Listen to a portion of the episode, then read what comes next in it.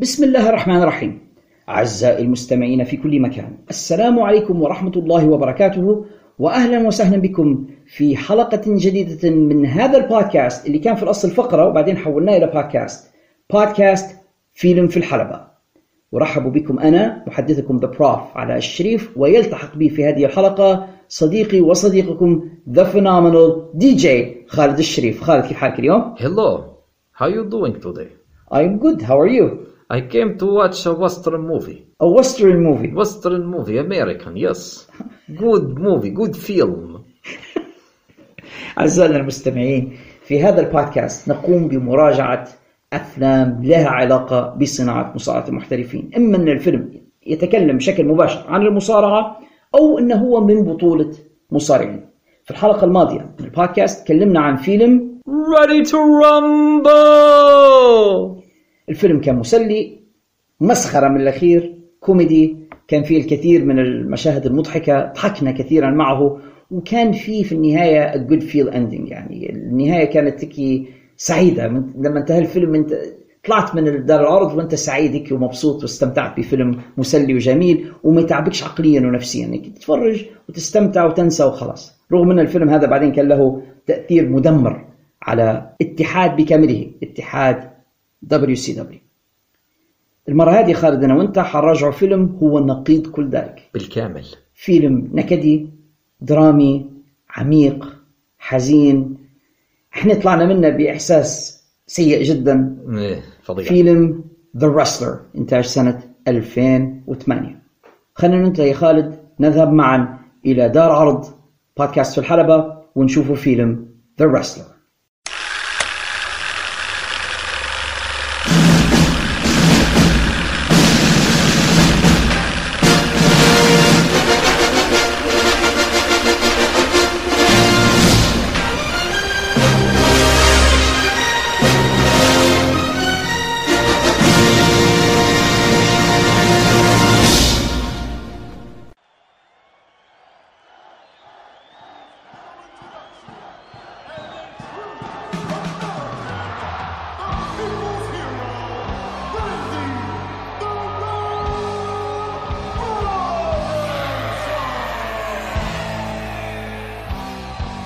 فيلم The Wrestler سنة 2008 من إخراج دارين أرونفسكي الفيلم هذا كان low budget فيلم مستقل independent زي ال indie wrestling indie movie يعني مش من إنتاج الشركات الكبيرة اللي زي 20th Century Fox ولا Warner Brothers.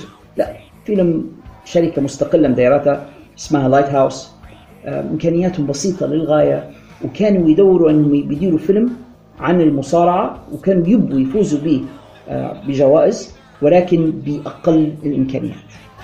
الفيلم في الأساس مستوحى من وثائقي. عن المصارعة عنوانه Under the Mat.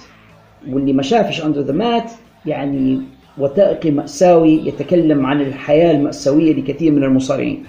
ويعرض لك مصارعين مصابين أو مصارعين تعرضوا لإعاقة أو ناس عندها إدمانات. It's very dark. فأرنفسكي شاف هذا الوثائقي واستوحى منه فكرة إنه يدير قصة مصارع واشت اب أو منهار وحياته متدمرة وبيحكي حكايته. ومن خلالها عنده مجموعة رموز ومجموعة حاجات يبي يوصل إليها. يعني هو راو خلال الفيلم كان ينتقد في الرأسمالية الأمريكية وينتقد في الأوضاع الاقتصادية في الولايات المتحدة. إحنا لاحظنا طبعا فيما يتعلق بشخصية الفيلم الشخصية الرئيسية للفيلم إنه هو ما كانش آه، شخص متكبر أو متعالي أو مغرور. بالعكس كان يبدو شخص فريندلي جدا وشخص يحب الناس ويتعامل مع الناس بشكل آه، عادي يعني ولا شايف نفسه أفضل من غيره. ومن خلال الشخصية هي أنت تتعرف على كيف كانت حياة حتى المصارعين اليوم حياتهم في الطريق حياتهم في داخل كواليس المصارعة حياتها مع المدراء متاع المصارعة حياتها الشخصية خارج الحلبة وخارج حياة مصارعة المحترفين المحترفين شن شكلها. الشخصية الرئيسية اسمه في الفيلم روبن أو راندي The Ram. وهو يؤدي دوره في هذا الفيلم الممثل ميكي رورك من الطرائف التي تذكر بأن المرشح الأول كان لأداء دور البطولة في الفيلم كان النجم نيكولاس كيج. بل أن نيكولاس كيج نفسه شوهد في كواليس بعض عروض Ring of Honor يدير في ال research بتاعه يعني يحاول يقترب من عالم المصارعة ويأخذ عليه فكرة.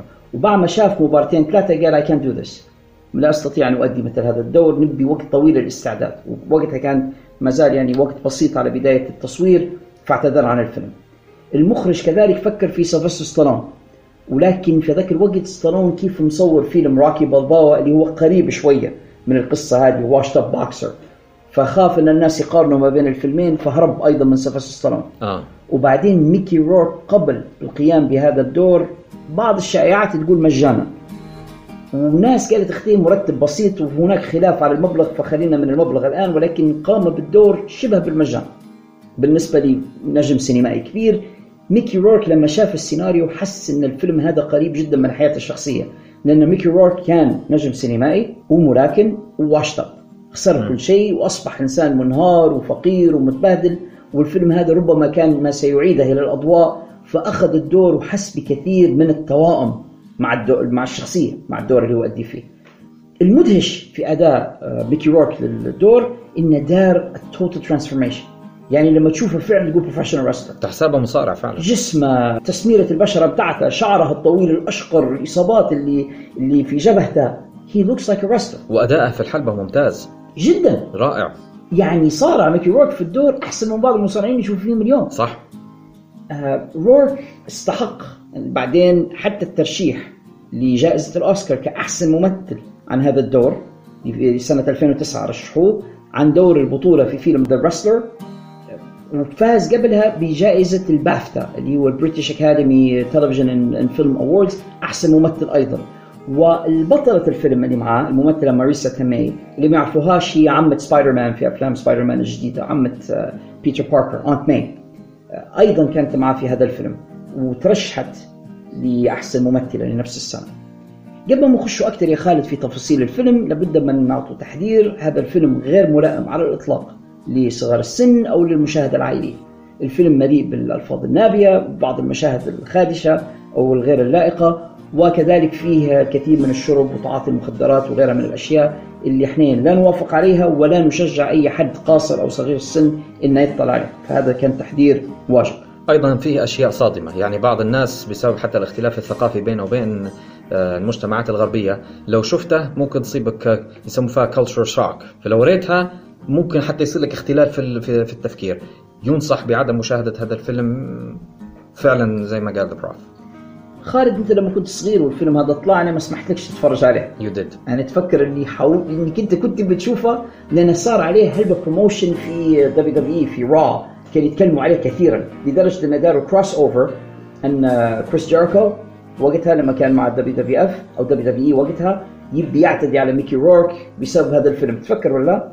وكانت عنده مباراة ضد ريكي ستيمبوت في WrestleMania WrestleMania آه 2009 نعم. وجاي وجاي وعطيه لكمة لجيريكو وشنيو فكان في cross promotion وساهم ال WWE في الدعاية لهذا الفيلم ما خلى كثير من الناس في سنك انت في ذاك الوقت يبغوا يتفرجوا عليه وأنا وقفت يعني حائط صد في وجهي قلت لك لا ما تتفرجش وعندك حق.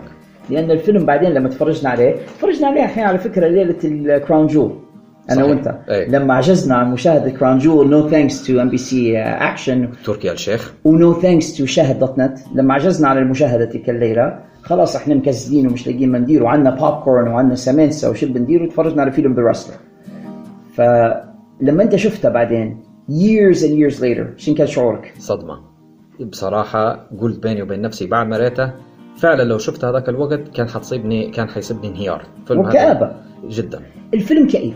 هذا ربما مدخلنا الآن للأحداث. الفيلم كئيب. درامي. الفيلم يصور لك حياة مصارع كان نجم كبير في الثمانينات وبعدين أصبح واشت أب هاز بين الناس ما عادش تعرفه أصبح يصارع في الاتحادات الصغيرة اللي ما يشوف فيها حد تقريبا انزوت عنها الأضواء. ومصر على الاستمرار في هذا المسير لأنه هو يحب المجال هذا. لكنه للأسف خسر كل شيء. خسر عائلته خسر ابنته خسر حياته العادية خسر صحته. نشوف الآن هذا الرجل اللي اكتشف أن عنده مرض في القلب. عافانا الله وإياكم. والطبيب يحذره خاصة أنه هو أصيب بسكتة قلبية بعد إحدى المباريات في في الفيلم. فطبيبه حذره. قال له يجب أن تتوقف عن المصارعة ويجب أن تتوقف عن تعاطي تلك الأشياء المضرة اللي تحط فيها في جسمك اللي هي ستيرويدز بل حتى حذره من النشاط الرياضي الشديد. ولكن رابي the Ram قال له ما نقدرش I'm a professional wrestler هذا اللي ندير فيه.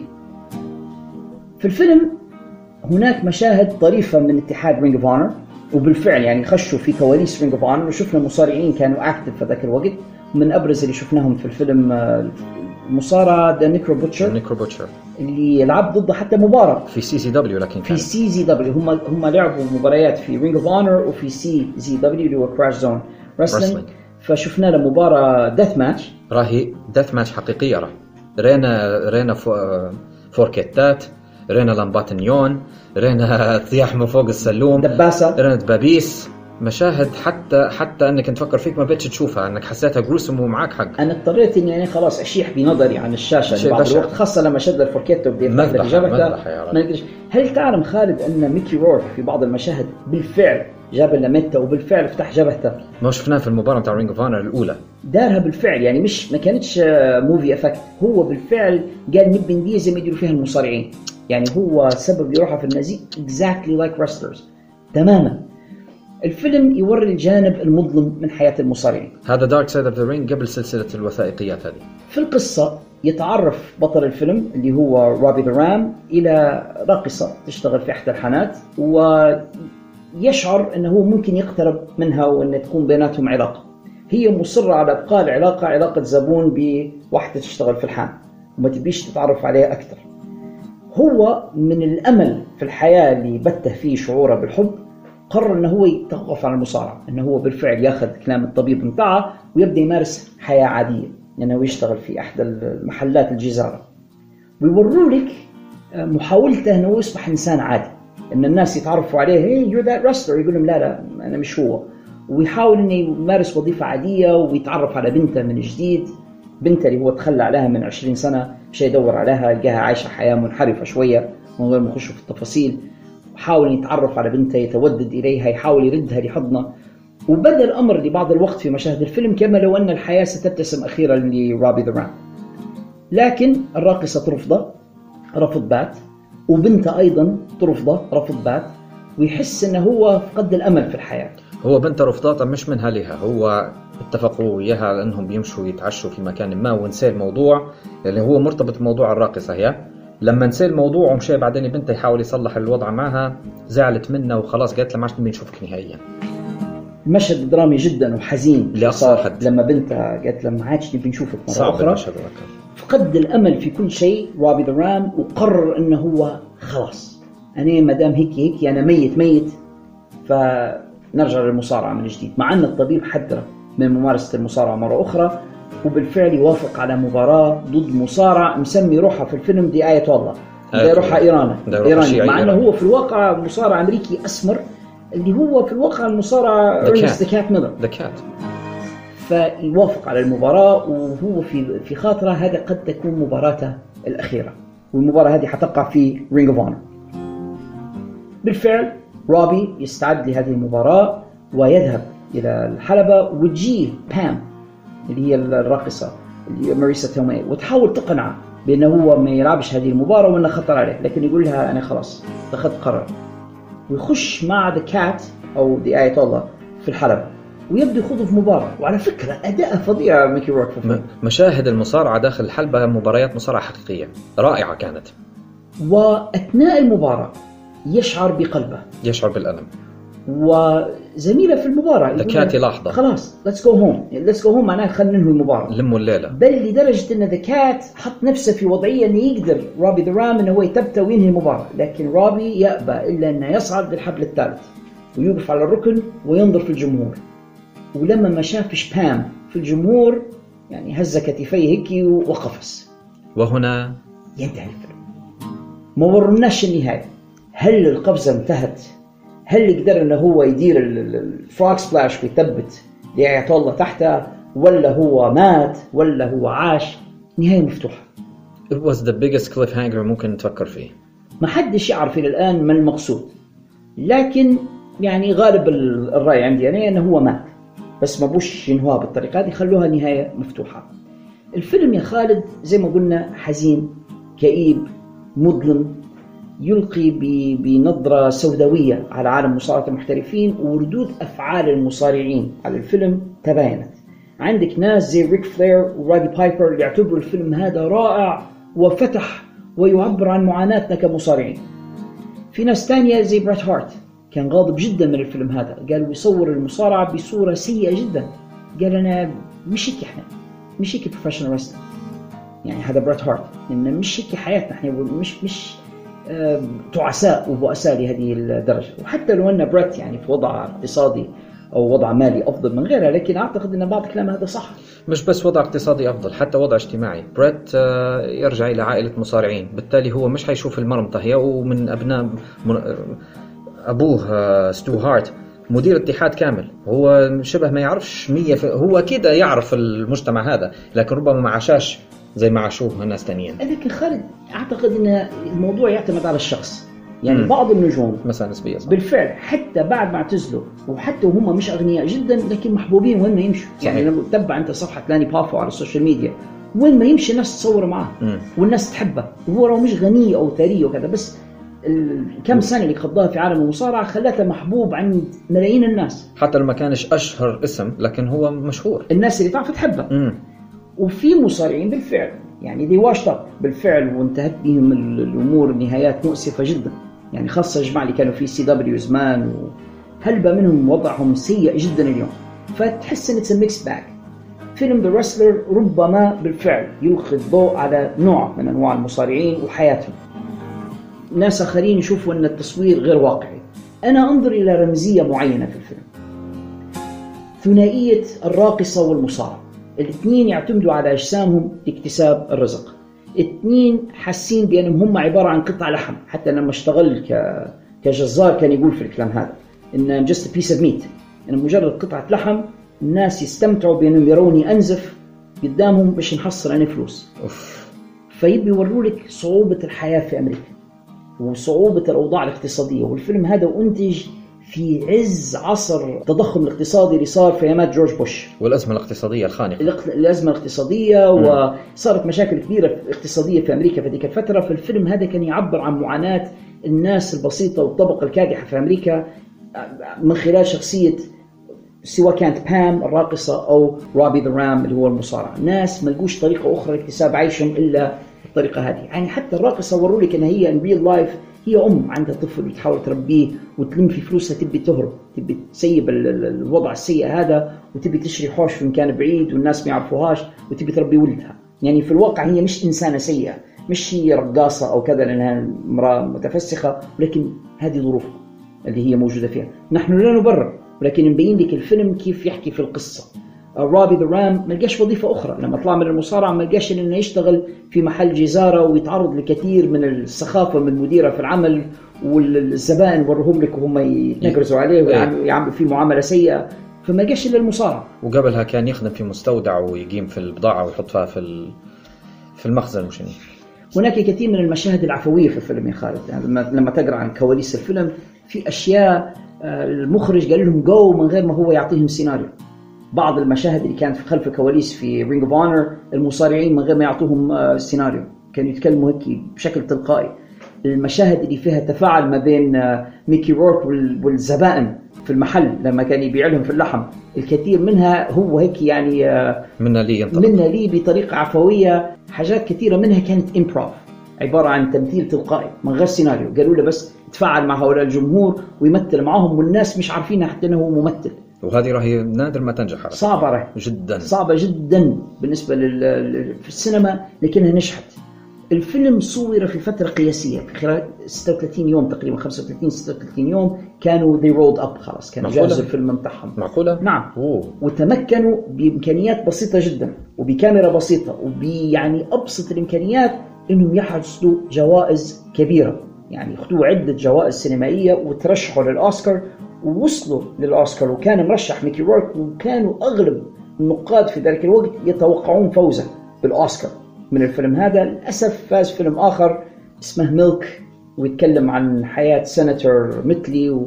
وهذا اللي فاز بالأوسكار. وقالها ميكي رورك قال لما تدير فيلم وتنافس فيه فيلم يتكلم عن المثليين معروف من اللي حيفوز يعني. للأسف الشديد هذا واقع السينما في في هوليوود. يا للهول. رغم هذا الفيلم جميل للغاية مثير للغاية كئيب. حزين للغاية كئيب زي ما انت قلت. وصادم. وواحدة من أجمل الحاجات اللي فيه الأغنية بتاعته الرئيسية اللي غناها الفنان بروس سبرينغستين في لما ون تريك بوني اللي هو بالفعل ولا حتى هو هيت والألبوم هذا كان بست سيلر ذيك السنة بسبب قوة الموسيقى اللي فيها وبروس سبرينغستين حتى هو توائم مع هذا الفيلم حتى هو حس روحه واحد قديم وستيل هانجينج اون فالفيلم فيه الكثير من النوستالجيا والكثير من المشاعر المختلطة. بصفة عامة خالد شنو تقييمك أنت للفيلم هذا؟ مأساوي صادم ما نقدرش نقول عليه إنه هو يعني قديش. تعطيه نجمة؟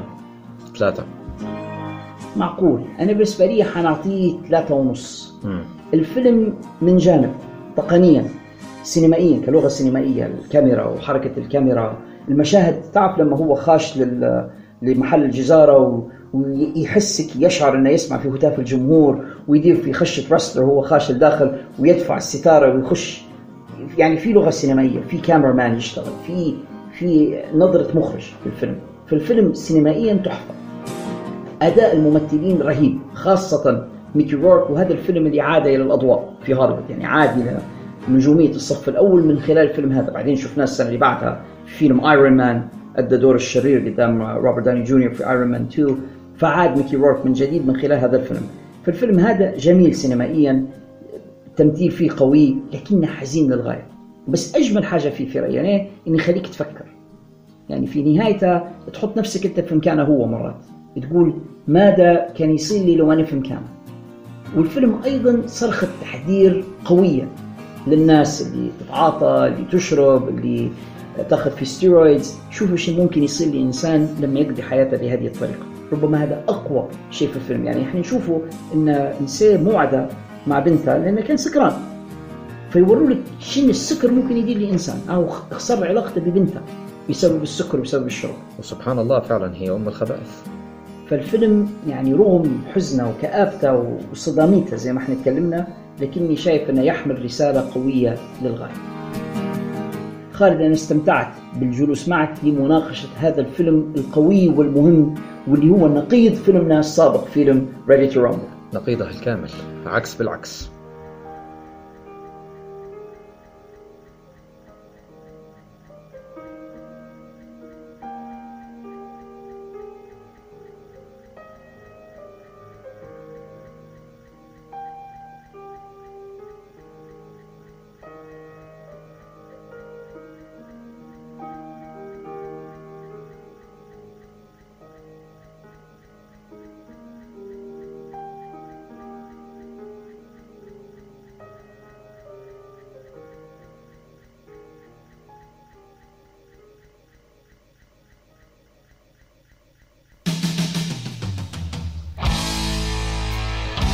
المرة الجاية إن شاء الله أنا وأنت وجمهورنا حنزوروا فيلم آخر يتكلم مش عن المصارعة هذه المرة ولكنه يزدان بعدد كبير من المصارعين اللي يمثلوا أدوار البطولة الرئيسية فيه.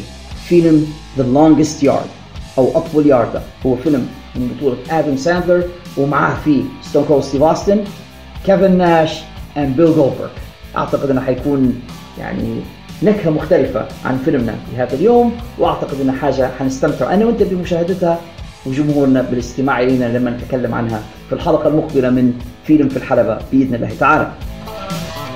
أعزائنا المستمعين إذا كنتم استمتعتم بهذه الحلقة بقدر ما استمتعت أنا وخالد بإعدادها وتقديمها إليكم فلا تبخلوا علينا رجاء بترك علامة الخمسة نجمات في الآبس والتطبيقات التي تستمعون إلينا من خلالها. علامات الخمسة نجمات تلك تساعد هذا البودكاست كثيرا على النمو والانتشار والوصول إلى آفاق أبعد. إذا كنتم تسمعوا فينا من خلال اليوتيوب ما تنسوش تديروا like subscribe share فعلوا جرس التنبيهات لكي تصلكم التنبيهات بالحلقات الجديدة أولا بأول وإلى أن نلتقي في حلقة جديدة وفيلم جديد. نستودعكم الله الذي لا تضيع ودائعه. والسلام عليكم ورحمة الله وبركاته.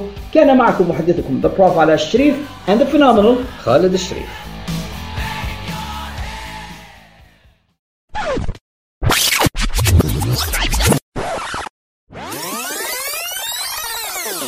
وفي الختام. شنو في الختام؟ نسيت وإلى اللقاء